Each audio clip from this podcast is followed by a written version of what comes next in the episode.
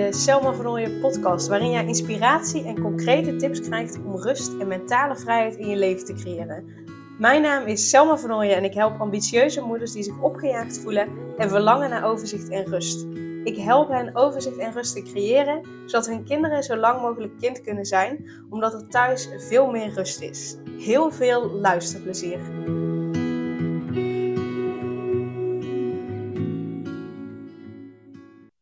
Hey, wat tof dat je weer luistert naar een nieuwe aflevering van de Selma van Ooyen podcast. En in deze aflevering ben ik in gesprek met Maaike.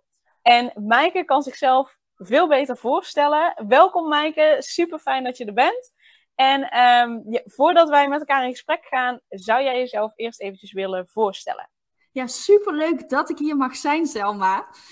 Ik ben Maaike Hendricks, ik ben psycholoog, ik ben bevallingsexpert en zelf moeder van twee kinderen. En misschien denk je nou, bevallingsexpert, wat is dat nou? Is dat iemand die is bevallen, ben je dan meteen een expert?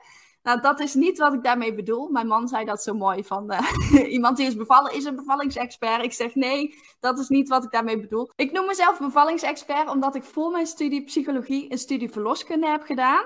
Dus ik weet eigenlijk alles over zwangerschappen, over bevallingen, over de periode daarna. Dus vandaar dat ik mezelf bevallingsexpert noem. En ik werk ook als uh, psycholoog en coach. Uh, ik begeleid moeders naar ontspannen moederschap en ik uh, verwerk uh, bevallingstrauma's en zwangerschapstrauma's door middel van de Trauma Buster techniek, zodat ze echt die ontspannen moeder kunnen zijn die ze zo graag willen zijn. Mooi, ja, en, en ik denk dus super belangrijk. Want volgens mij uh, verloopt bij heel veel vrouwen de bevalling niet per se zoals ze graag zouden willen. Ik, ik heb er nog geen ervaring mee. Maar wat ik hoor is dat het heel vaak niet precies is zoals ze het graag zouden willen. Dus ik kan me best voorstellen dat het een flinke indruk heeft. Een flinke invloed heeft. En een flinke afdruk misschien ook achterlaat inderdaad in hoe vrouwen het hebben ervaren. Want wat voor invloed heeft het precies op, op, uh, ja, op moeders en op hun kinderen als ze ja, een bevaltrauma hebben of een zwangerschapstrauma? Wat voor invloed heeft dat?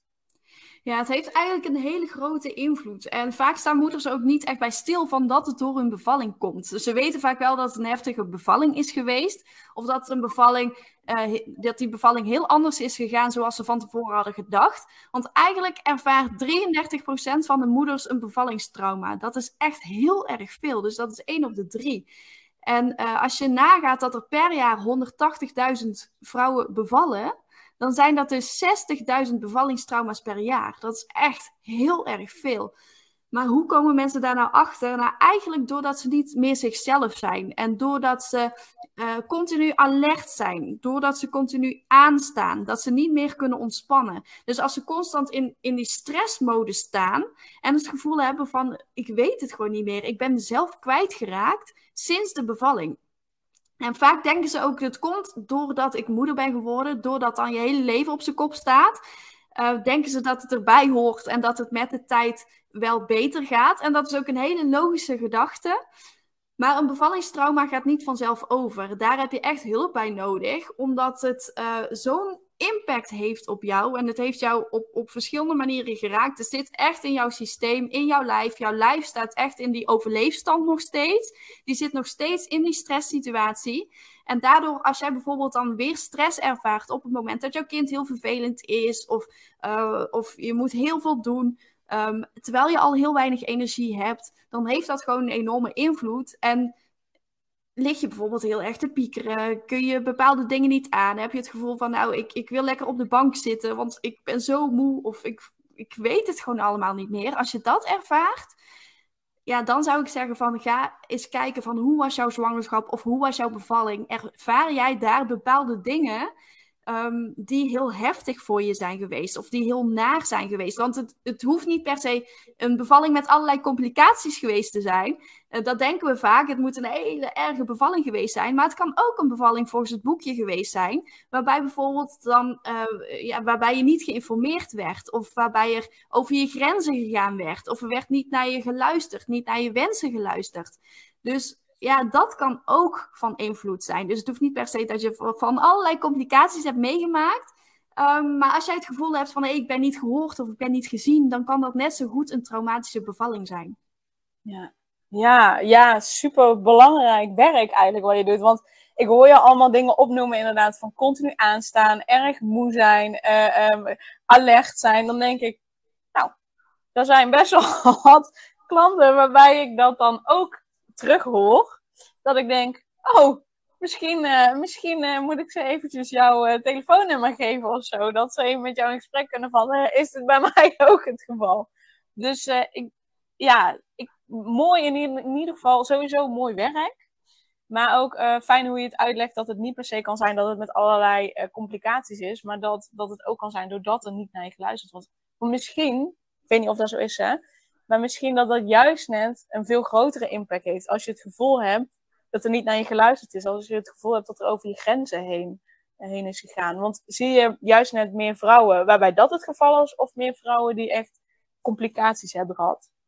Nou, eigenlijk meer vrouwen die dus niet gehoord zijn en uh, waarbij echt over hun grenzen heen is gegaan. Of dat de arts besloten heeft, van het wordt een, een spoedkeizersnede bijvoorbeeld en die vrouw werd ineens weggereden, werd niet geïnformeerd over waarom er precies een spoedkeizersnede werd gedaan of hoe het met haar kind ging. Dus die vrouw ja, en, en die partner werden eigenlijk aan hun lot overgelaten. Die dachten van wat gebeurt er nu? En waren helemaal in paniek van oh, er is iets met ons kind bijvoorbeeld.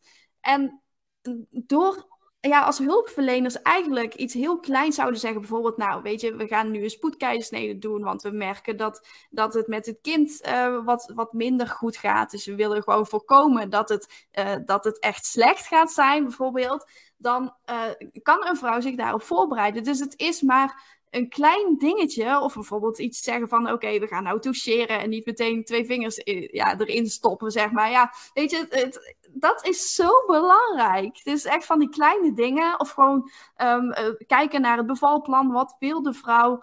Um, wil die bijvoorbeeld uh, in bad bevallen? ja, stimuleer dat dan bijvoorbeeld. Of wil die bijvoorbeeld met, met gedimd licht, kijk daar dan ook naar. Zodat die vrouw zich ook gehoord voelt. Want vaak tijdens die bevalling is die vrouw er niet mee bezig. Die vrouw zit zo in haar lijf, is met, met die pijn bezig, is met haar kind bezig, met zichzelf bezig. En dus niet met alles wat ze had opgeschreven en met de omgeving. Dus het is heel belangrijk om juist ook als zorgverlener hier bewust van te zijn. Ja, ja, ik denk al, ik denk meteen in het dagelijks leven is het al belangrijk. Want als we ons in het dagelijks leven al niet gehoord voelen, ja, laat staan bij zoiets ja, ingrijpends als een bevalling. Dus echt, ja, ik ben heel blij dat je dit werk doet. Dat, laten we dat in ieder geval uh, voorop stellen. Maar je helpt die moeders dus met de Trauma Buster techniek. Wat houdt dat precies in? Ja, de Trauma Buster techniek is eigenlijk nog heel nieuw in Nederland. Ik ben de eerste psycholoog in Nederland die deze techniek mag gaan toepassen. En normaal is, wordt EMDR toegepast bij een, een nare bevalling of een nare zwangerschap. En er is absoluut niks mis met EMDR, want het helpt voor heel veel vrouwen. Alleen, ik merk dat EMDR vaak heel heftig is voor vrouwen, doordat je echt teruggaat naar het moment. Je gaat er heel diep in terug. Al die gevoelens, al die gedachten die je had, die komen weer voorbij. Op het eind van de sessie ben je vaak helemaal uitgeput. Ben je energieloos. Ben je helemaal gebroken doordat je weer terug bent gegaan naar trauma. En het duurt vaak ook heel erg lang. Het duurt vaak maanden lang voordat je dat hebt verwerkt. En ik was eh, de afgelopen drie jaar ben ik zelf op zoek geweest naar een hele fijne, zachte kortdurende techniek uh, voor vrouwen om hiermee aan de slag te gaan. Omdat ik ook merk van, hey, ja, ze zijn moeder, ze hebben weinig tijd. Als jij continu ergens uh, naar een therapie moet, dat alle energie uit je haalt, ja, dat is niet fijn als je nog een kind hebt rondlopen.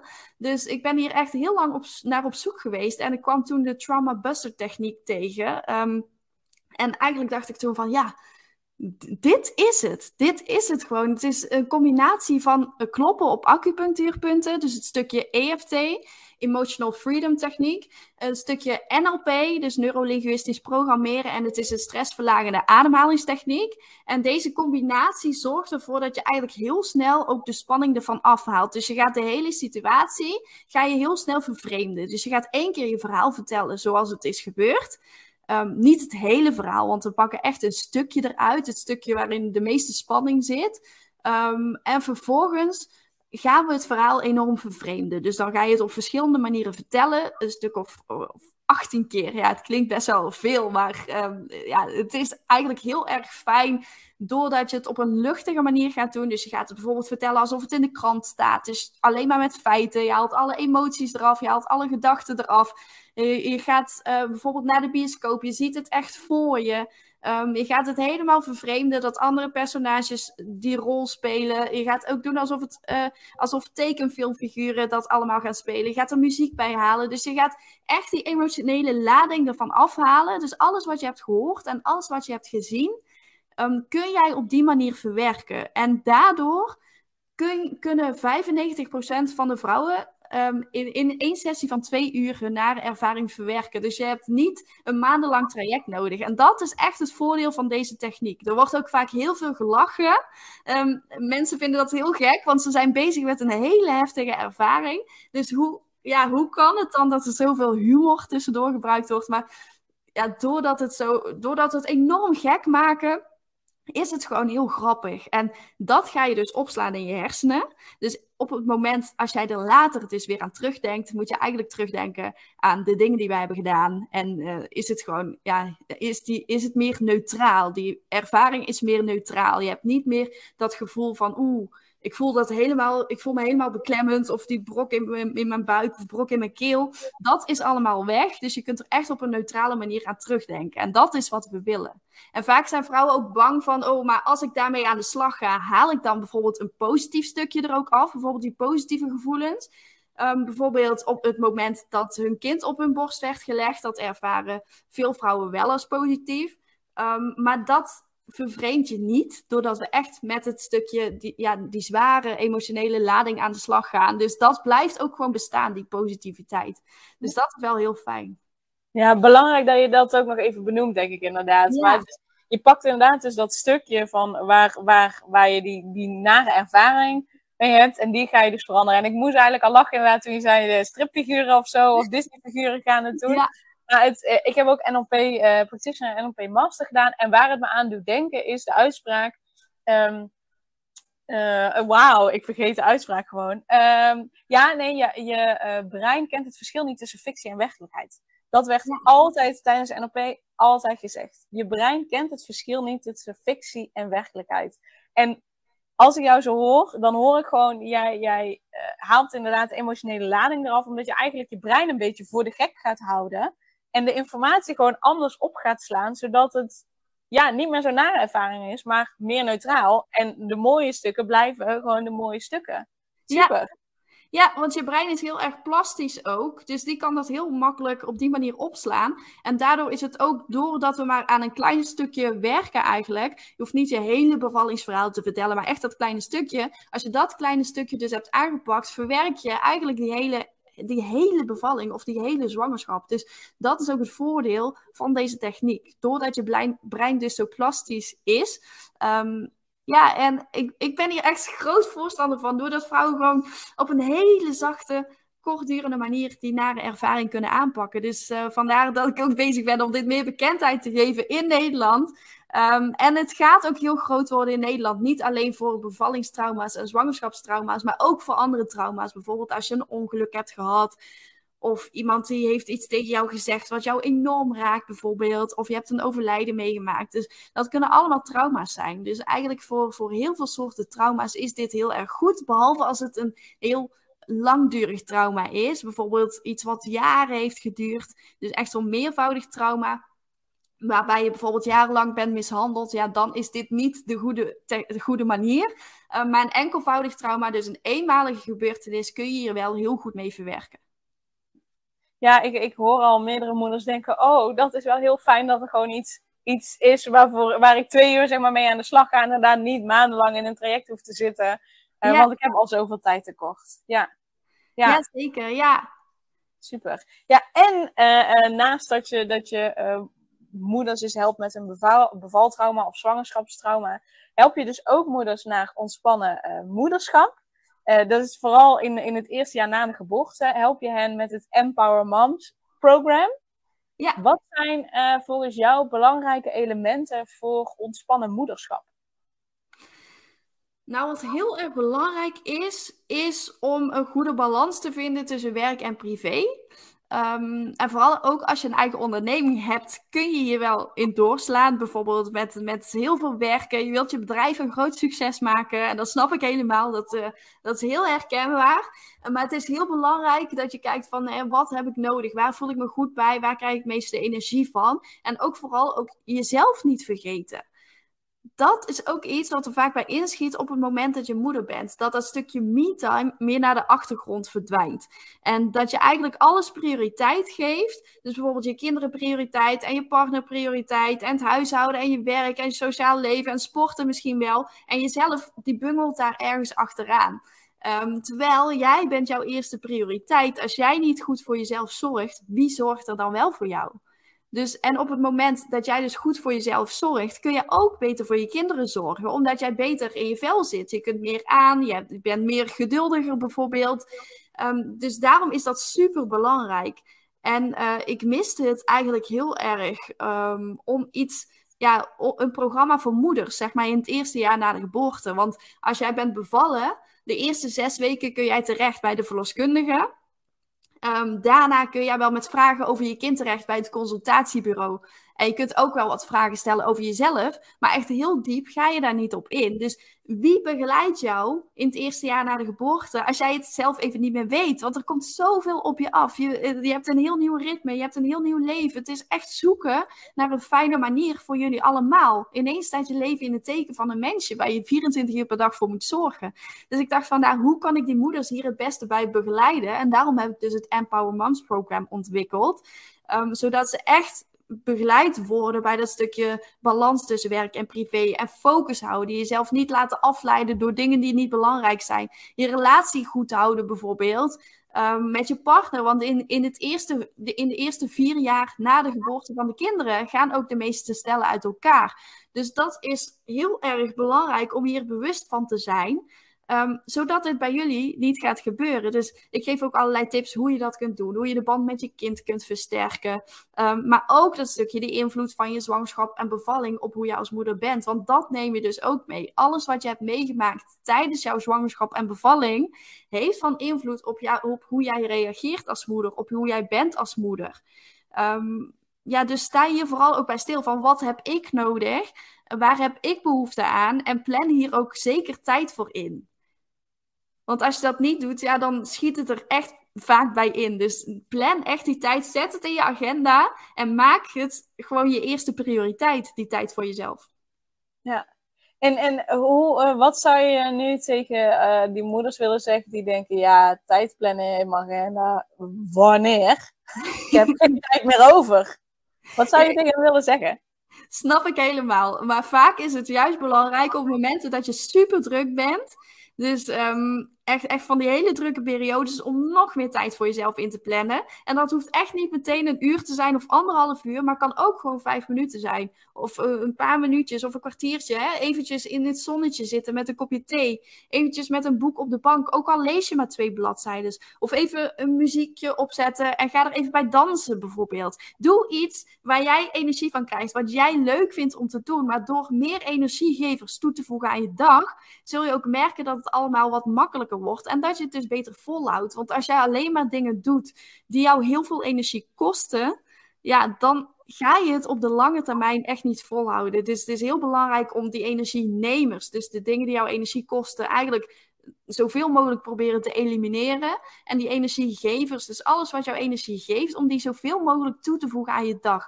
En juist op die momenten dat je denkt, ik heb al, ik heb het zo druk, ik weet het gewoon niet wanneer dan is de tijd om juist die dingen te doen. Pak één of twee minuten en ga er gewoon voor zitten. Want die één of twee minuten hebben we allemaal. Als we kijken in onze telefoon naar de screentijd, zeg maar. Hoe vaak zit jij op je telefoon?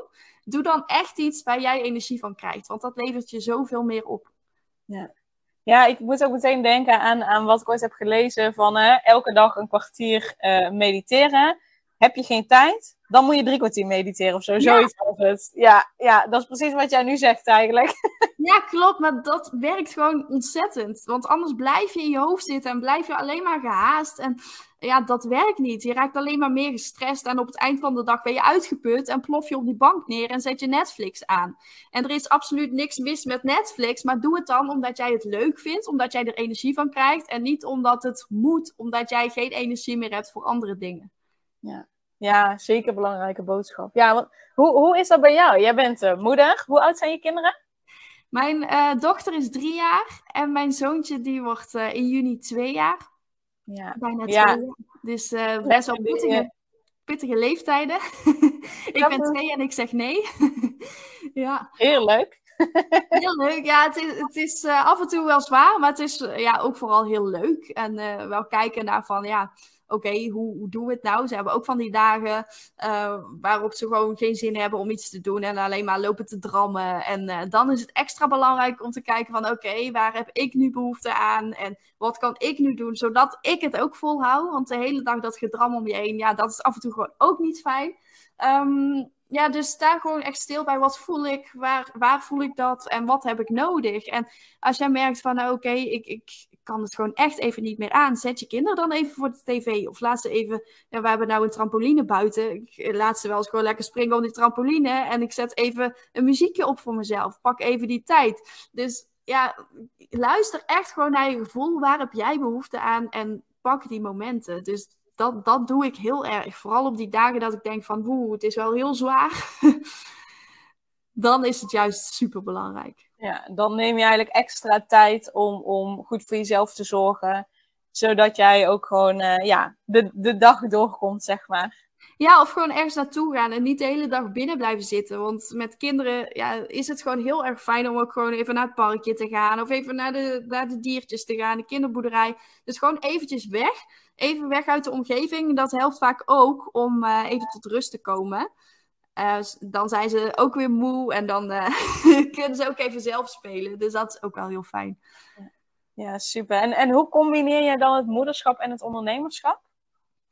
Ja, dat vind ik nog steeds wel een uitdaging. En vooral nu ik bezig ben met de Trauma Buster techniek, die nu meer bekendheid krijgt, um, is het wel echt zoeken naar een balans. Want ik heb natuurlijk altijd eigenlijk een online programma gehad, waarmee ik het moederschap best wel makkelijk kon combineren. Het Empower Moms Program, daar konden mensen gewoon zelf doorlopen in het basisprogramma. En het VIP-programma kregen ze wel mijn één op één begeleiding erbij.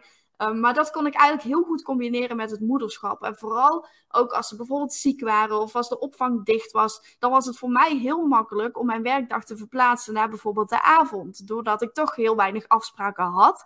Um, en dat voelde voor mij eigenlijk heel erg goed. Maar de laatste tijd liep ik daar eigenlijk steeds meer tegenaan van oké, ik heb dan wel, ja, ik heb klanten in mijn programma zitten, maar als ik ze dan buiten op straat tegen zou komen, dan zou ik ze bijvoorbeeld niet eens herkennen.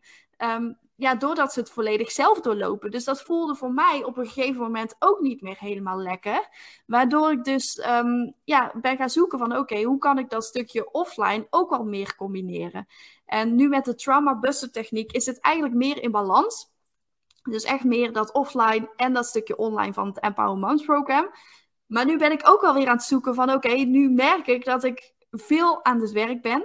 Uh, ik, ik, werk sowieso drie dagen per week, op maandag, dinsdag en donderdag. Maar ik merk dat ik de avonden ook veel aan het werk ben, omdat, er, uh, ja, omdat ik toch best veel gedaan moet hebben. Um, dus hoe ga ik dat doen? En ja, het is dan vooral echt je, grenzen bewaken. Van oké, vanavond wil ik vrij hebben. Vanavond wil ik met mijn partner iets leuks doen. Of wil ik gewoon even die serie kijken of een boek lezen. En dat ook echt afbakenen in je agenda. Zodat je gezin er ook niet onder gaat lijden. Want het is ook niet fijn hè, als je zelf uh, eh, 12 uur per dag aan het werk bent. Um, dus ik maak ook wel bewust tijd voor mijn gezin. En ik heb natuurlijk ook twee mama-dagen per week. Um, dus dat compenseert ook wel. Dus um, ja, ik denk dat het altijd blijven zoeken is naar een fijne balans. Er is niet een perfecte balans voor iedereen.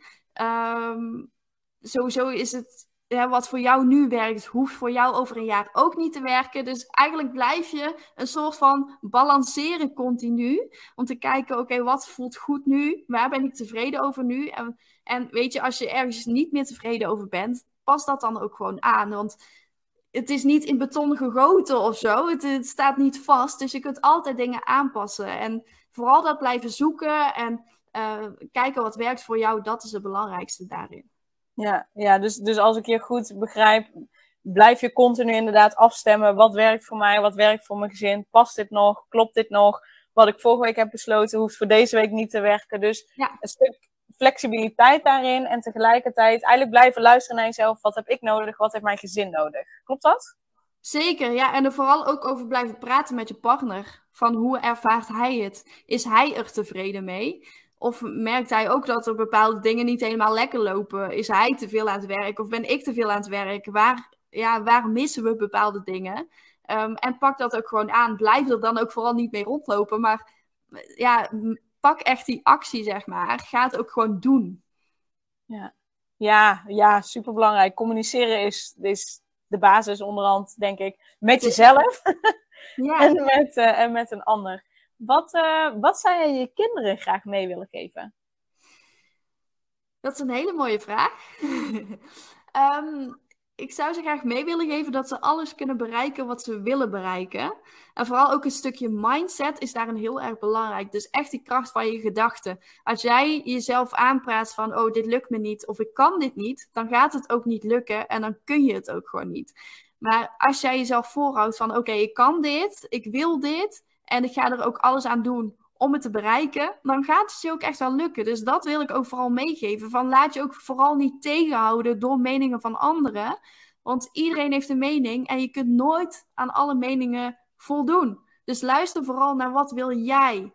En daarin stimuleer ik ze ook wel. Ik zet s'avonds ook altijd een meditation moments uh, app op. En daar, daar ja, vooral zo'n kindmeditatie um, is ook wel heel erg leuk. Dus daarin bijvoorbeeld met de tovenaar, die zegt ook van, ja, jij bent de tovenaar, je kan alles bereiken wat je wil, weet je wel. Dus zo programmeer je dat eigenlijk ook in hun hersenen. Dus dat uh, vind ik wel heel belangrijk. En vooral ook, ja, ja, gewoon echt ja, respectvol met elkaar omgaan. Dat soort dingen, die belangrijke basisdingen. Uh, maar vooral ook echt dat, dat ze gewoon hun eigen gevoel moeten volgen. Um, ja, en moeten kunnen doen wat ze willen doen. Ik zal ze daarin ook altijd ondersteunen. Ja, ja, super. Ook echt, ik vind het ook heel erg leuk om te horen dat je dus eigenlijk met hen ook, uh, of hen alleen of met hen uh, mediteert. Ja, super waardevol, denk ik. Ik hoor ook uh, mijn neefje van vier, die zit op een school. En mijn zus vertelde dus dat ze daar ook mediteren op school. En toen dacht ik, yes, een school die mediteert met de kinderen ik weet verder niet die school, maar mijn kinderen gaan ook naar die school toe, zeg maar.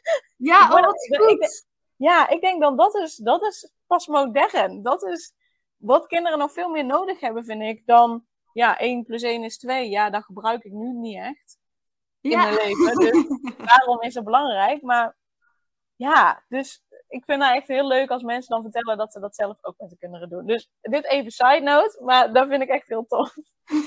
um, Wat zou jij nog willen zeggen tegen die uh, moeders, tegen die ambitieuze moeders, die alle ballen hoog aan het houden zijn en die alles perfect willen doen en zichzelf daarin voorbij lopen? Wat zou je hen willen zeggen? Laat eens een bal kletteren op de grond, zou ik willen zeggen. Je hoeft ze niet allemaal hoog te houden. En het is echt geen probleem als het gewoon af en toe niet lukt. En dat mag er ook gewoon zijn. En daar hoef je jezelf niet schuldig over te voelen. Um, dus ja, hou die ballen gewoon lager of laat ze op de grond vallen. Maar stel prioriteiten. Waar wil jij nu je aandacht aan besteden? Is dat nu je gezin? Is dat nu je werk? Wat heeft jouw aandacht nu nodig? En morgen kun je weer voor iets anders kiezen. Bijvoorbeeld, is het echt nodig dat jij elke dag je huis gaat stofzuigen? Is dat echt noodzakelijk? Of is het echt nodig dat jij vanavond die vriendin weer een uur gaat bellen als jij er geen zin in hebt? Dus waar, wat voel jij dat je nu wilt doen? Waar krijg je energie van? Dus hou dat vooral ook voor ogen. Waar heb ik behoefte aan? En doe dat uh, vooral. Laat jezelf niet tegenhouden door allerlei gedachten van, oh, maar dat moet ik. Um, dat moeten, dat leggen we onszelf ook vaak op. Die druk leggen we onszelf ook vaak op, want van een ander hoeft dat ook vaak niet. Maar van onszelf wel. Dus maar vraag jezelf dan af in plaats van wat moet ik doen, wat wil ik doen? Dus zo kun je het wat makkelijker maken voor jezelf. Ja, top. Ja, eh, mijn laatste vraag is eigenlijk, je hebt al een hele mooie boodschap gegeven, maar mijn laatste vraag is nog, welke laatste boodschap heb je nog voor de luisteraar? Ehm, mooie vraag, ja. Als jij merkt dat je tegen bepaalde dingen aanloopt, vraag jezelf dan af van hoe komt dat en sinds wanneer is dat? En vooral in het moederschap is dat enorm belangrijk om daar zelf niet mee te blijven rondlopen. Ehm, dus als jij voelt van, nou, het, ik weet het gewoon af en toe niet meer. Ik sta continu aan, ik ervaar stress, ik slaap slecht omdat ik veel aan het piekeren ben. Ik ben continu alert eigenlijk. Ik kan weinig stress extra aan. Zoek daar dan vooral ook hulp bij, want je hoeft het niet alleen te doen. Dat wil ik wel meegeven. Van die, eh, zoveel moeders ervaren dit, maar we vinden het heel lastig om hierover te praten. Maar het is absoluut niet gek. Dus blijf hier vooral niet mee zitten. Praat er met iemand over, met vriendinnen. En als dat niet helpt, zoek ook gewoon echt hulp. Je bent niet gek, het hoort erbij. Maar er kan iets aan gedaan worden, maar je zult het wel zelf die eerste stap moeten zetten. En daarvoor kun je uiteraard contact opnemen met Maaike Hendricks. en dan kan Maaike sowieso kijken van oké, heeft dit te maken met een, een bevallingstrauma of een, of een, een zwangerschapstrauma? En, en kan de TBT, uh, de Trauma Buster techniek, kan die mij daarbij helpen om, om daar iets aan te doen? Dus neem dan ook zeker contact op met Maaike. Um, hoe kunnen mensen contact met jou opnemen? Je kunt naar mijn website gaan, www.empowermoms.nl en empower met de letter M. Uh, of je kunt mij op Facebook of Instagram opzoeken op Empowermans Coaching. Je kunt me altijd een berichtje sturen, dat is uh, geen enkel probleem. Ik vind het juist super leuk om in contact met je te komen. Yes, ja, de links naar de website en naar, uh, nou ja, laten we zeggen Instagram, die, die zal ik de omschrijving ook zetten. Dus dan kunnen mensen gewoon meteen klikken en dan komen ze bij jou uit. Ja, ik wil je echt super erg bedanken voor deze podcast.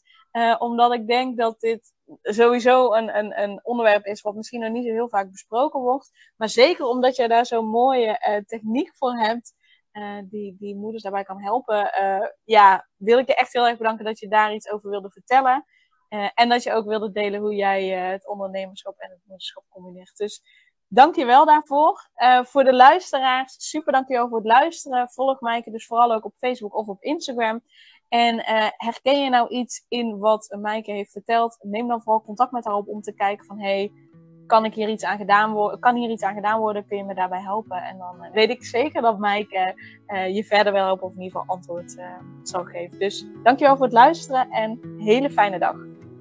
Super leuk dat je weer luisterde naar een aflevering van de Selma Vernooien podcast. Dank je wel daarvoor. En ik deel in deze outro nog een aantal belangrijke punten. Als eerste is het mijn missie om ervoor te zorgen dat alle kinderen van Nederland zo lang mogelijk kind kunnen zijn. En dat begint bij hoe jij je voelt als ambitieuze moeder. Daarom maak ik deze podcast voor jou en voor je kind of voor je kinderen. Gun je je kinderen dus ook een vrije en gelukkige jeugd, zodat ze zo lang mogelijk speels, vrij, onbevangen en onbezonnen kind kunnen zijn Vraag dan nu mijn gratis e-book aan 8 tips voor ambitieuze moeders om meer rust in je leven te creëren via mijn website www.selmavernooien.nl slash gratis-e-book.